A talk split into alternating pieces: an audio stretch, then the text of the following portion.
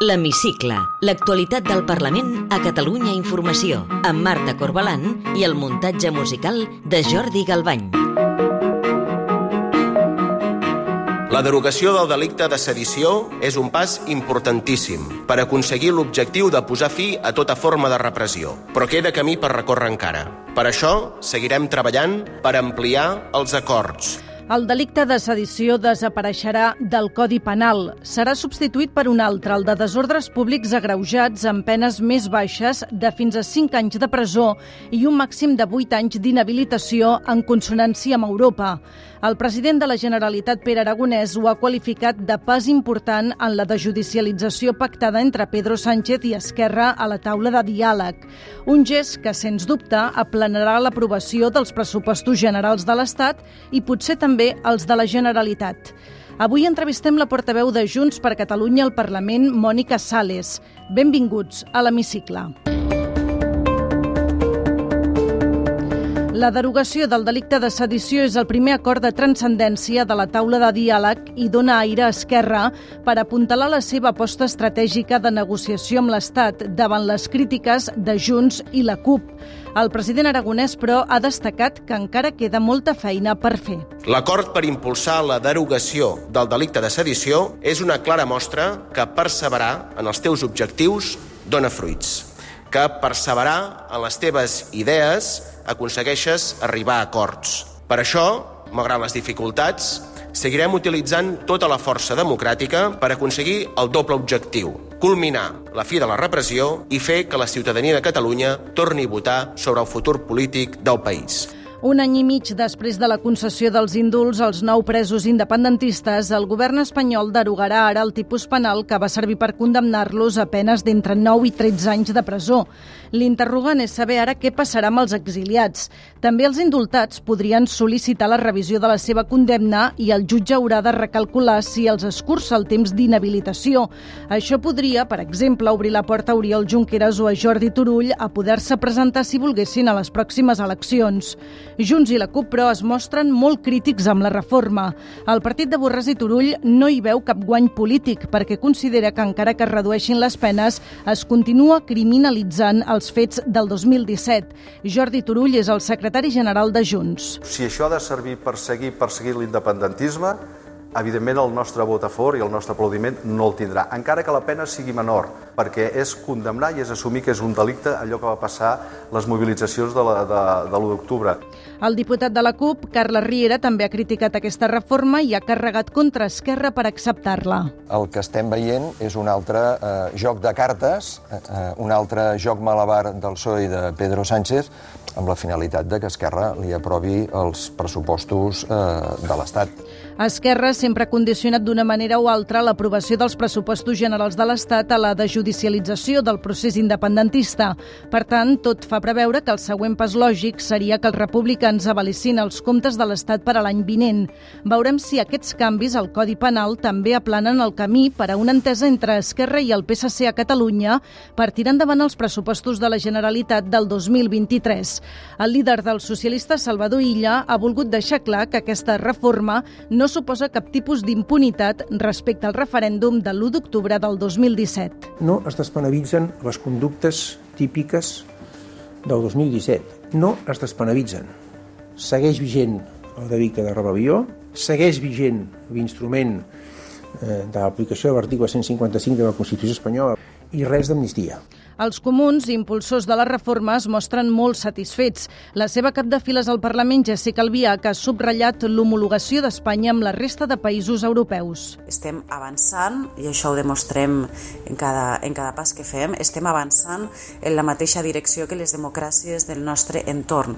I, en definitiva, avui Espanya és un país millor en matèria de drets i de llibertats del que ho era ahir. En canvi, Vox, Ciutadans i el Partit Popular han posat el crit al cel amb l'eliminació del delicte de sedició. Acusen Pedro Sánchez de fer un codi penal a mida, diuen, dels sediciosos per tenir garantida l'estabilitat de la legislatura espanyola. El líder dels populars a Catalunya, Alejandro Fernández, creu que es crea a partir d'ara una situació d'impunitat. El que acaba significant és impunitat la idea que qui ha comès un delicte pot acabar imposant al govern d'Espanya la supressió d'aquest delicte. Això sí que no té cap tipus de comparativa europea ni la tindrà mai, perquè és una cosa absolutament inèdita. Esquerra ha pogut treure pit amb la reforma del delicte de sedició la mateixa setmana que ha tornat a constatar la seva solitud al Parlament. Amb els vots de Junts, la CUP, el PSC i els Comuns, el ple ha aprovat una moció del partit de Borràs i Turull que posa de relleu la pèrdua de confiança de la majoria parlamentària que va permetre la investidura de Pere Aragonès. Josep Rius és el portaveu de Junts. És el govern més feble de la història recent de la Generalitat de Catalunya. I és un govern feble perquè no se sap amb quines majories parlamentàries compta. És un govern feble perquè s'ha quedat sol. I s'ha quedat sol perquè no compleixen els acords i perquè no són de fiar. La portaveu d'Esquerra, Marta Vilalta, confia poder refer els consensos, tot i la sortida de Junts per Catalunya del govern. S'ha esquerdat la majoria que va fer possible la investidura, cert, però nosaltres la volem recomposar no volem renunciar a la possibilitat de reconstruir confiances, de forjar majories, encara que siguin parcials, d'arribar a acords, mesura a mesura, política a política, llei a llei. La bona notícia per Esquerra és que la moció no té cap efecte pràctic més enllà del valor polític. L'únic instrument que permetria realment desallotjar Aragonès de la presidència de la Generalitat seria una moció de censura que per ara cap partit es planteja. Però aquesta soledat dels republicans al Parlament sí que pot tenir conseqüències més serioses serioses si no aconsegueixen tenir aliats per a les següents votacions clau, com la dels pressupostos. Té la paraula. Soc Mònica Sales de la Cruz, portaveu del grup parlamentari de Junts per Catalunya. Com valora els canvis al Codi Penal amb la supressió del delicte de sedició i la seva substitució per al de desordres públics agreujats? Assumir que el referèndum va ser un desordre públic agreujat en lloc d'una sedició eh, creiem que no contribuïx a desjudicialitzar, serveix perquè allò que dèiem que no era delicte ara acceptem que ho sigui. Per tant, si la reforma és un vestit a mida per criminalitzar el referèndum de l'1 d'octubre i per intentar evitar que no torni a passar, Junts, evidentment, no hi donarà suport. Mai acceptarem que allò que van fer dos milions de persones que van votar un referèndum eh, siga delicte. Com creu que pot afectar aquesta reforma als exiliats? Pel que fa als exiliats, eh, el president Puigdemont sempre ha dit que qualsevol reforma no va en cap cas de solucions personals. Nosaltres tenim esperances posades en guanyar la batalla a nivell europeu. El fons del tema del debat és si s'assumeixen o no el que va passar el 20 de setembre o l'1 d'octubre, si és delicte o no, i Junts reitera que l'única mesura que serveix per acabar amb la repressió és l'amnistia. No entrarem en reformes que busquen solucions personals. Creu que ara està més a prop el suport del PSC als pressupostos de la Generalitat i el suport d'Esquerra als pressupostos de l'Estat? Dimarts ja vaig advertir d'un possible canvi de cromos en tota regla entre els pressupostos del govern espanyol, del govern de la Generalitat i de l'Ajuntament de Barcelona, la reunió de dilluns entre el PSC i el govern, el fet que Oriol Junqueras aixeca el veto als socialistes, l'anunci de Pedro Sánchez, fa entreveure que el tripartit de PSOE, Comuns i Esquerra, que ja funciona a ple rendiment a Madrid i a l'Ajuntament de Barcelona, com ja hem dit en altres ocasions, pronte el veurem també al Parlament de Catalunya. Aquesta setmana ha fet un mes de la sortida de Junts per Catalunya del govern. Quin balanç en fan? Bé, el balanç és positiu. Eh, nosaltres vam prendre una decisió amb una àmplia majoria de la militància, però tot el partit s'ha fet seu aquesta decisió i, per tant, ens hem posat a treballar des de l'oposició, a fer propostes, a ser propositius i a configurar um, aquestes propostes que són les que determinen el fer i el ser de Junts per Catalunya. El president Pere Aragonès insisteix que el seu partit i els comuns són els socis prioritaris del govern per aprovar els pròxims pressupostos. Han entrat ja a negociar-los? No, nosaltres vam acudir a una reunió a Palau a, amb la consellera de la presidència i amb la consellera d'Economia. Uh, va ser una, re una reunió cordial on ens van uh, expressar la situació i el context uh, socioeconòmic del país, però no hem entrat a detallar xifres, ni partides, ni prioritats. I Junts per Catalunya el que els hem demanat des del primer moment és saber amb quins suports compten i saber quines polítiques eh, volen fer al govern. Nosaltres els hem demanat que ens donen trasllat d'algunes dades i per tant estem a l'espera de, de rebre aquesta informació que, que hem demanat com a grup parlamentari i com a força política. Si finalment el govern no pot aprovar els pressupostos i es prorroguen els comptes actuals, el president aragonès hauria de convocar eleccions. El president aragonès ha de fer una lectura del que està passant i ha de veure que va començar la legislatura amb un suport de 74 diputats pels pactes que ell havia fet amb el grup parlamentari de la CUP i amb el grup parlamentari de Junts per Catalunya i que ara, en aquest moment, només 33 diputats li estan donant suport. I, a més a més, ha de veure també que, per exemple, ahir en sessió de control a diferents grups parlamentaris també li deien que és un govern dèbil, que és un govern que no té la credibilitat que necessita, que no té el suport parlamentari que necessita.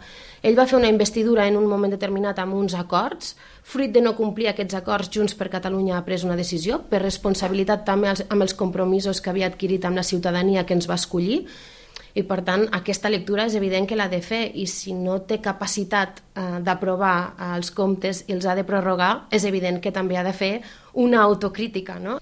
Per tant, entenc que si el convida a fer una reflexió, eh, li està eh, proposant eh, que convoqui eleccions, ja que no es vol sotmetre a la qüestió de confiança que vostès han demanat.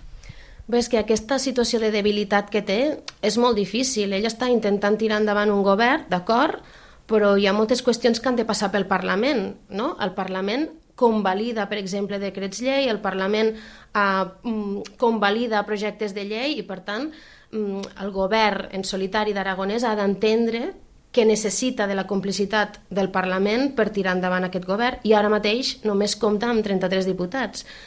I estem en una situació en què ells tampoc no estan gaire oberts a negociar moltes de les qüestions que arriben aquí al Parlament, quan nosaltres hem dit des del primer moment que actuarem amb responsabilitat, que estem oberts a parlar de qualsevol qüestió i, per tant, eh, ho reitero. Aviat el Parlament haurà de votar, si parlem de coses concretes, un decret per ampliar el pressupost de salut en 400 milions d'euros i un altre per reduir la temporalitat dels funcionaris. Junts permetrà que s'aprovin aquests decrets? Junts no coneix aquests decrets i, per tant, no puc fer cap posicionament perquè, evidentment, a cegues no podem dir si sí o si no. Um, és obvi que necessitem conèixer uh, tota la documentació que fa referència a aquest decret i en el moment en què el govern decidís que compartir amb els grups a l'oposició, que som tots excepte un, aquest decret, podrem analitzar-lo i podrem prendre una decisió. En clau interna de partit, aquestes últimes setmanes hi ha hagut molt de soroll pel cas del Masas, amb la seva dimissió com a vicepresident de Junts donen per tancat aquest cas? Sí, tant el partit com el grup parlamentari eh, hem acceptat eh, aquesta decisió presa, la seva dimissió com a vicepresident i que no seguisca com a diputat a la Comissió de mitjans de, de comunicació i per tant aquest episodi està tancat amb aquesta decisió que ell va prendre i que l'executiva es va fer seua. Entrem, si li sembla bé, ara ja en el terreny més personal i li demano si pot contestar amb les respostes al màxim de breu possibles. Digui'm dos adjectius que la defineixen. Optimista i perseverant. Quina injustícia social l'enerva més? Potser ara, en aquest context que vivim, una de les injustícies socials que més m'enerva és tot el que s'està fent sobre qualsevol persona eh, que és independentista i que se l'ataca, se l'assetja, se l'espia eh, sense contemplació. Com desconnecta de la política? Costa molt. Això és 24 hores, 365 dies. Quin diputat o diputada, ideologia a banda, fitxaria per al seu grup? Raquel Sanz. Com definiria la política catalana en una o dues paraules? Resilient, i difícil. I ja per acabar, completi la frase següent. El que més m'agradaria del món és... Revertir la xifra, un de cada cinc xiquets o adolescents pateixen violència sexual. Mònica Sales, portaveu del grup parlamentari de Junts per Catalunya, gràcies per atendre'ns a l'hemicicle de Catalunya Informació. A vosaltres, moltes gràcies. Podeu tornar a escoltar l'hemicicle al web catradio.cat barra hemicicle o al podcast del programa i seguir l'actualitat del Parlament al perfil de Twitter arroba L-hemicicle.